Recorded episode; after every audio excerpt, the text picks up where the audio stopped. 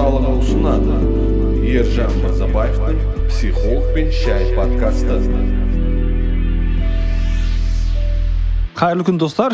Менің есімім ержан мырзабаев отбасылық психологпын және менімен бірге бүгін эльдар құдайбергенов толқын подкастинг орталығының директоры. Қош келдіңіздер психолог пен шай подкастына. Бұл подкастта біз бір эпизодта бір сұрақ қоямыз және сол бір сұраққа бір жауап аламыз. Бұйырса әрбір эпизодымызда отбасылық қарым қатынас бала тәрбиесіне байланысты қоғамды мазалап жатқан түрлі сұрақтарға жауап беруге тырысамыз. Сіздер үшін пайдалы болады деп үміттеміз. Бізбен бірге болыңыз. Керемет.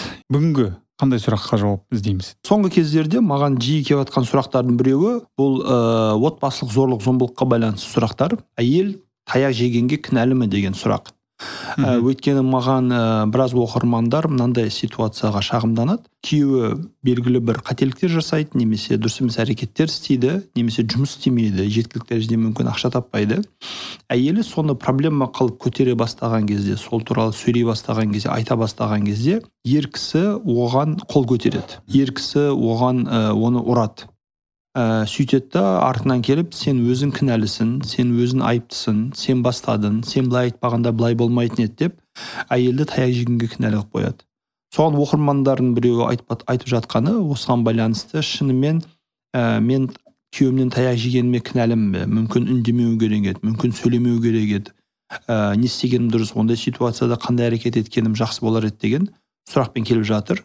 Ә, бүгін осы тақырыпты бір талқылап тыңдармандар үшін жан жақты түсіндіріп берсек деймін өте қазіргі таңда актуальный сұрақ болып тұр ғой. Сонда демек сұрақ қоюшы адамдарды біреу ұрады және олар сол ұрылғаны үшін өздерін кінәлі санайды.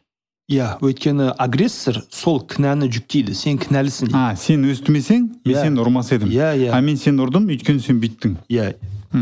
Сол жағынан ә, кінәлі қылады да. Және сұрап жатыр ә, шынымен мен кінәлімін ба деп агрессор жағынан алып қарасақ өте ыңғайлы позиция негізі. Сен өзің ұрасың барлық бенефиттерді аласың иә саған бәрі істеп береді. И сен айтасың сен өзің осыған кінәлісің деп.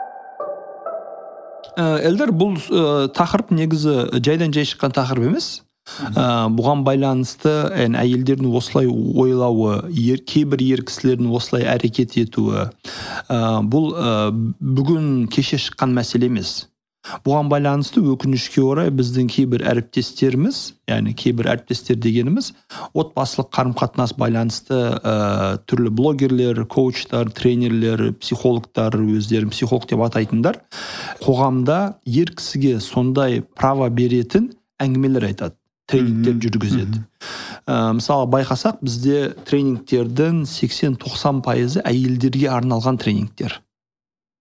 Яғни барлығы әйелді түзеу әйелді емдеу сен бір жерің әйелді жөндеу иә вот сен түзелсең бәрі түзеледі сен былай сөйлесең күйеуің мынандай болады сен былай әрекет етсең күйеуің былай жасайды сен былай болсаң ата енең былай болады деген сияқты жауапкершіліктің барлығын өкінішке орай әйелге жүктеп қойған және бүкіл тренингтер арқылы әйелдер тәрбиелеуге тырысып жатыр және ә, осы тренингтерде не түсіндіріледі сен дейді әйелге былай істемегенде істемейтін едің сен отбасының ұйытқысың. Әйелге барлық нәрсе байланысты. Отбасының бақыттылығын тыныштықты тамақтың үйдің вообще жалпы үй жағдайының бәрін жанұяның жағдайының бәрін әйелдің мойнына іліп қойған. Иә yeah, іліп қойған. Соны сондай тренингтерді тыңдаған әйелдер ә, не істейді? Амал жоқ үйде бір жертва позициясына түседі сөйтіп өзін әркімге жағынамын деп ә, қолынан келген барлығын салуға тырысады. Бірақ айналып келген кезде көп жағдайларда бұл нәтиже бермейді. Көп жағдайларда бұл нәтиже бермейді өйткені ә, бұндай тренингтердің соны жоқ. Әлі мысалы әйел кісі барады пәленбай ақша береді тренингке қатысады ғой. Так. Тренингте айтқан нәрсені істейді да yeah. Одан кейін хабарласады мен айтқандарын істедім өзгеріп жатқан жоқ не істеймін дейді. Онда ендігі тренингке қатыс біздің екінші тренингіміз бар. Екінші тренингіміз бар. Сен міндетті түрде соған қатыс сол кезде нәтиже болады. Оған қатысады үшінші тренинг бесінші тренинг оныншы тренинг. Бір сериал сияқты тренингтің артынан тренинг кетеді. Бірақ ә, қолға ұстарлық нақты нәтиже болмайды. Hmm. сол үшін бұл бағытта біздің әріптестеріміздің үлкен қатесі деп айтуға болады. Ә, және қоғам ретінде біз осыған сеніп кеттік. Қоғам ретінде біз иә әйел кінәлі иә әйел істеу керек иә әйел жасау керек деп соған үйреніп қалдық соған бейімделіп қалдық. Ә, осыған байланысты көптеген отбасылар бұзылып жатыр осыған байланысты көптеген ажырасулар орын алып жатыр. Өйткені белгілі бір уақыттан кейін осындай зорлыққа қиындыққа жауапкершілікке шыдамаған әйел осыншама жүктің астында езіліп жатқан әйел не істейді? Я ә, нервс тозып ауыратын болады. Немесе ә, өз өзіне қол жұмсайтын болады немесе ажырасатын болады. Немесе агрессияға беріледі. Немесе аг- береді. агрессияға агрессияға беріледі. Ба- балаға қарсы әр кезде көбінесе ер кісіге қатты агрессия көрсете алмайды. Бірақ балаға қарсы агрессия ретінде де айналасына агрессия ретінде ә, мәселе шығуы мүмкін. Және ә, бір жаман жағы әйел қанша тырысса да ә, алып келетін идея сен жеткілікті дәрежеде тырысқан жоқсың. Сен неге он рет істедің деп қолын түсіріп жатрсың он бір рет істе. Сен неге жүз рет істедің деп өкініп жатрсың жүз бір рет істе. Е, сен неге мың рет істедің деп қойып қойып жатрсың мың бір рет істе. Яғни бұны мың бір рет істегенде дұрыс болып кетер еді сен мүмкін. Иә иә иә иә яғни оны оның жауапкершілігін ешкім алмайды. Ә, бұл бірінші аудитория. Екінші аудитория екінші идея топ осындай біздің ә, нәтижеге алып келетін нәрсе. Бұл ә, агрессорды ақтауға тырысу.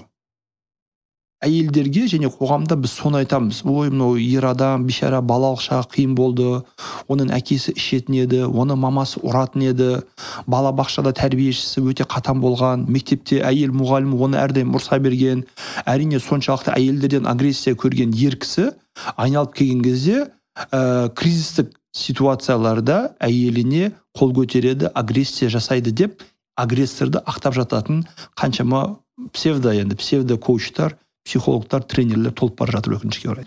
Сөйтіп қоғам ретінде ә, коуч тренерлердің көмегімен қолдауымен осындай өте қате және қауіпті ой қалыптасып бара жатыр деп айта аламын мен бұмен түбегейлі мүлдем келіспеймін. Ә, агрессияның зорлық зомбылықтың қол көтерудің ұрудың әйелді ұрудың ешқандай бір ақталуы бола алмайды. Әйел бала кезінде нашар тәрбие көрген шешесінен әкесінен таяқ жеген психикасы бұзылған ер адамды оңалтатын орталық емес. Жоқ. Егер оның психикасы бұзылған шын мәнінде түрлі қиын жағдайдан өткен балалық травмалары болатын болса онда үйленгенге дейін емделу керек. Өйткені отбасы еркек пен әйелдің екі саналы психикасы сау жауапкершілік ала алатын адамдардың құратын бір бірлестік. Бір бірінің алдында белгілі жауапкершіліктер бар бір бірінің алдында белгілі бір міндеттері бар. Соны ескеру керек. Егер біреуі ақау болатын болса ауру болатын болса ә, травмасы бар болатын болса ондай адамдармен отбасы құруға болмайды. Тең теңімен тезек қабымен деген қазақшада жақсы сөз бар. Біз бұны көп жағдайларда материалдық тұрғыдан ойлаймыз. Бай мен бай кедей мен кедей. Жоқ. Санасы тең болу керек. Психикасы бірдей болу керек бірдей сау болу керек. Дүниеге өмірге көзқарасы бірдей болу керек. Агрессия екеуі үшін де ә, еш мү- мүлдем ә, қолдануға болмайтын жағымсыз бір қасиет ретінде көріну керек. Егер біреуіне агрессия нормальный нәрсе тәрбиелік мақсатта керек анда санда әйелді ұрып тұру керек. Дейді жаңағыдай әйелдің шайтанын шығарып тұру керек деген сөз бар екен. Агрессияның әйелдің шайтанын шығарып тұру яғни. Әйелдің шайтаны бар екен. Ал ер кісінің шайтанын кім шығарып тұру керек? Мысалға да. Ә, сондай сөздермен түрлі мақалдармен ә, ақтауға тырысып осылай ә, агрессия алып келеді. Тең болу керек ол жерде көзқарас дүние танымы тең болу керек. Сол кезде бірдей болу. Егер сау болмайтын болса ондай адаммен отбасы құруға болмайды.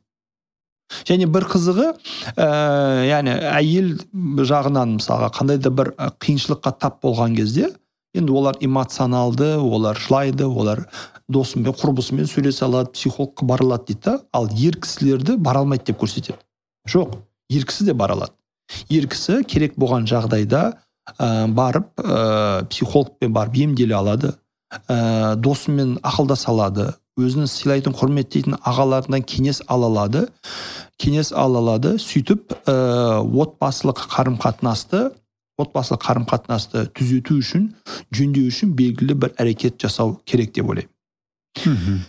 Негізі ерлі зайыптылар яғни қыз жігіт болып жүрген кезде танысып жүрген кезде үйленбестен бұрын екеуі психологқа бару керек. Психологқа барып Бірге ма? бірге бару керек. Мгм. бірге бару керек жеке сеанстар қабылдау керек. Әрқайсысы біз отбасы құрайын деп жатырмыз. Осыған байланысты біздің қалай жалпы дайынбыз ба дайын емеспіз ба?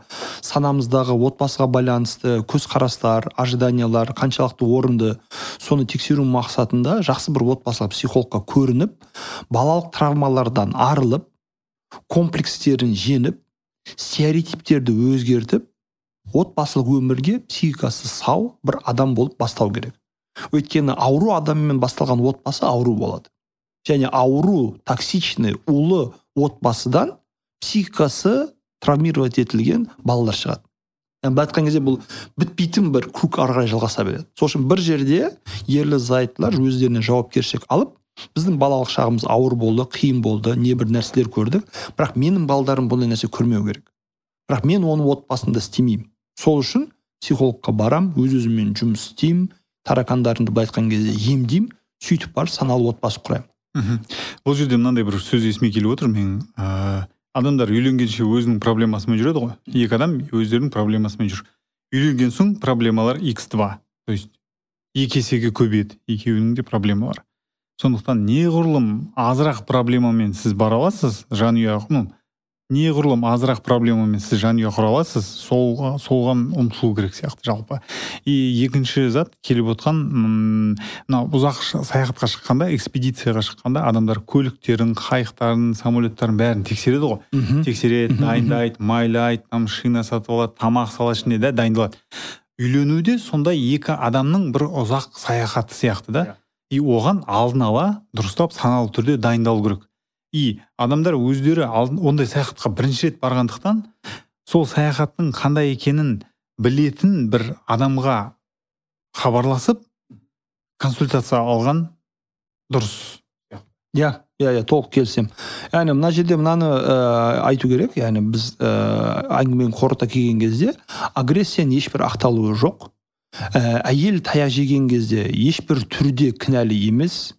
Әйел өзіне яғни ерлі зайыптылар отбасы қарым қатынаста бір біріне ұнамайтын жақпайтын жақтарын нәрселерді айта алады. Онда тұрған ешқандай шектеу жоқ. Сол үшін біз жос, ерлі зайыптымыз. Маған сіздің бойыңызда бір нәрсе ұнамаса мен айтамын. Сізге менің бойымда бір нәрсе айтасыз. Айтпасақ қайсымыздағы адаммен өмір бойы бойындағы сол жағымсыз қасиетпен өмір сүре алмаймыз. Бұл жұмыстағы әріптесіміз емес оның жаман қасиетіне таңнан кешке дейін шыдасам болды одан кейін көрмеймін. Аптасына бес күн шыдасам болды демалыста демаламын.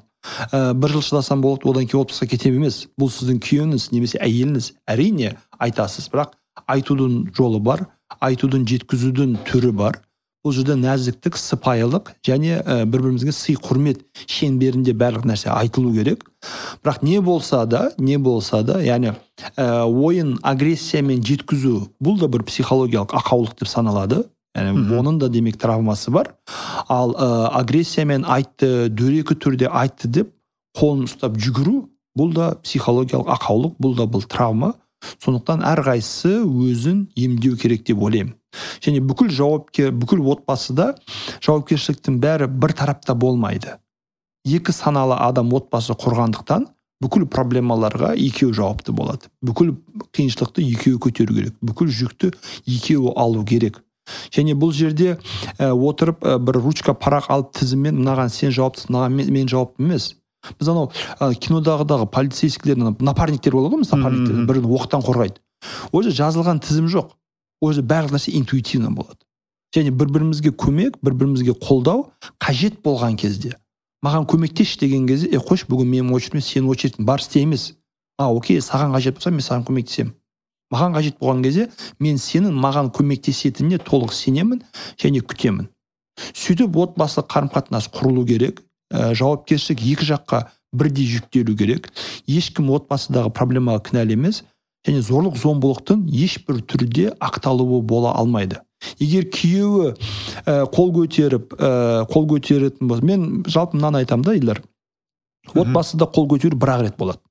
Білмей одан кейін қол көтерген адамды соншалықты бір өкіндіру керек өмірінің соңына дейін екінші рет қол көтере алмайтын болсын. Ә, бұл егер жерде- екінші рет бірінші рет бірінші рет бұл случайность. Екінші рет бұл уже система. Система бар жерде ондай қол көтеретін зорлық зомбылық көрсететін адаммен тұруға бұл болмайды. жерде өте бір проблеманың шетін ашып тұрмыз біз иә. Сіз қандай ыыы әдісті айтып отырсыз қазір? Ажырасу ма бұл не? Мен менің айтып отқаным мысалы ә, айтайық ә, үйлендіңіз сөйтіп бір айдан кейін бір жылдан кейін бір нәрсеге ұрысып қалдыңыз күйеуіңіз сізге қол көтереді. Көбінесе ер кісілер қол көтереді сол үшін күйеу деп жатырмын. Ә, яғни ер кісілер қате түсініп қалмасын барлық кінәні оларға жүктеп жатқан жоқ просто көбінесе ер кісілер болады. Қол көтерді. Қол көтерді ма сол сәтте заттарды жинап үйден кетіп қалу керек. Үш бала болса ше он үш бала болсын. Кім асырайды балаларды? Үйден кетіп қалу ажырасу емес қой. Үйден кетіп қалыңыз. Балаларды бірге алып па бірге балдарды бірге заттарыңызды балдарыңызды бірге алып үйден кетіп қалыңыз. Ыыы он күн екі апта бөлек тұрыңыз жеке қалыңыз. Қол көтерген адам мен бір қол көтерудің арқасында семьямды жоғалтып ала жаздадым қорқу керек. Мен бір қол көтеріп балдарсыз қала қал жаздадым қорқу керек. Мен бір қол көтергеніме әйелім шыдамай кетіп қалды қорқу керек. Егер ары қарай жалғасатын болса мен мүлдем семьямды жоғалтып аламын. Сөйтіп сол бір апта он күн екі аптаның ішінде бөлек үйлерде тұрады. Керек болса қыз өзінің ата анасының тарапына кетіп қалады. Айту керек мына кісі маған қол көтерді сол үшін кетіп қалдым. Ата енесіне айту керек сіздің балаңыз қол көтерді сол үшін кетіп қалдым. Еріккеннен кетіп қалған жоқ. Мен бұндай нәрсеге шыдамаймын. И ол жерде ата енесі баласын тәрбиелейді. Өзгертеді психологқа егер олар егер олар адекватты адам болса егер Ад- адекватный адам болса иә. Адекватный адам болмаса ондай семьяда вообще делать нечего. М, түсініп ба? Кетіп қалды ма одан кейін күйеуіңіз өкінеді кешірім сұрайды үйтеді бүйтеді. А жарайды барлық семьяларда болады ғой мүлдем бірден кешіре салмаңыз қинау керек. Бір рет кешірім сұрайды екі рет кешірім сұрайды үш рет кешірім сұрайды. Жақсы кешірім сұрап жатсыз бірақ сен мұны немен дәлелдейсің? Құрашин сөз ба или нақты әрекет па? Нақты әрекет керек психологқа барсын. Күйеуіңізді бір қол көтеріп кетіп қалғаннан кейін қайта қосылу үшін күйеуіңіз психологқа барсын.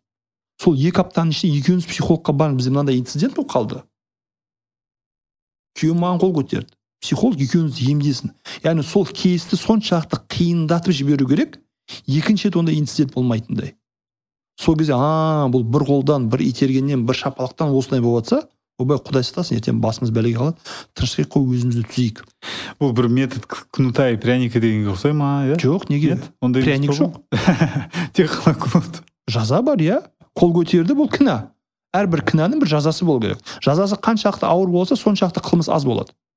Мысалы ең аз жасалатын қылмыстар ең ауыр жазасы болған қылмыстар. Мысалға бізде бұрын не болатын? Ана көшелерде сергек болмаған кезде әркім ә, жол жүру ережесін бұзып сексенмен тоқсанмен жүзбен қаланың ішінде басып жүре беретін еді қазір артыңыздан полиция қуаламайды ешкім сізді іздемейді. Әр ә, перекресткта суретіңізді түсіреді да почтаңызға счетыңызға жібере береді. Штрафтар жинала береді. Одан кейін сіз жаза келген сайын штраф келген сайын айыппұл төлеген сайын е құрсын тыныштық керек. Астында қандай крутой машина болса да жай жүрейін дейсіз. Сөйтіп сіз тәрбиеленесіз. Поэтому заң бұзушылықтың агрессияның қол көтерудің тәрбиесі солай болады. Одан кейін барып қайтадан қосылған кезде сіз екінші рет ұру қол көтеру проблемасын ә, нольға дейін нөл бүтін нөл нөл нөл нөл бірға дейін түсіре аласыз. Сол кезде агрессор өзіне ә, агрессордың психикасы қандай? Агрессордың психикасы ол өзіне төтеп берген кезде қарсылық болған кезде тоқтайды. Қарсылық болмаса үндемей берсе жылай берсе ол ары қарай жалғастырады. Бұл жерде қарсылық деген төбелесіп кету туралы емес жоқ жоқ жоқ. Бағанағы нақты қадамдармен Иә, иә. өзіңіздің жеке шекараларыңызды Мгм. көрсету. Және бұл жерде сізді туысқандарыңыз әке шешеңіз күйеуіңіз баламен манипулировать етуі мүмкін соған дайын болу керек. Е не болыпты бір шапалақ ұрса балдарыңды ойласайшы бағана сіз айттыңыз ғой үш баласы болса Иә, деген сияқты. иә. е не болыпты бір итеріп жіберсе балдардың әкесі ғой балдарды әкесі қалдырма жоқ. Балаларға психикасы сау ана керек. Денсаулығы сау ана керек. Өзіне сенімді ана керек. Ал қол, қол көтеретін таяқ жейтін ортада ондай күйеудің қасында ондай ана ешқашан болмайды. Сол үшін құрметті көрермендер оқырмандар ә, әйел ешқашан таяқ жегенге кінәлі емес. Кім таяқ жесе де ешқашан кінәлі емес кінә жауапкершілік әрдайым агрессордың мойнында және оның балалық шағы қаншалықты қиын болыпты қаншалықты травмалар бар ол оның жеке проблемасы сіз сол проблеманы шешуге көмектесе аласыз бірақ сол проблеманы түсінемін деп зорлық зомбылыққа көнбеңіз бас имеңіз бұл мүлдем дұрыс емес сіздер тыңдап өткен психолог пен шай подкасты бұл подкастты жүргізген жанұялық психолог ержан мырзабаев және толқын подкастинг орталығының директоры мен ильдар құдайбергенов. Келесі сәрсенбіде кездескенше психологпен шай ішейік сау болыңыздар. Барлықтарыңыз аман болыңыздар. Келесі эпизодтарымызда көріскенше.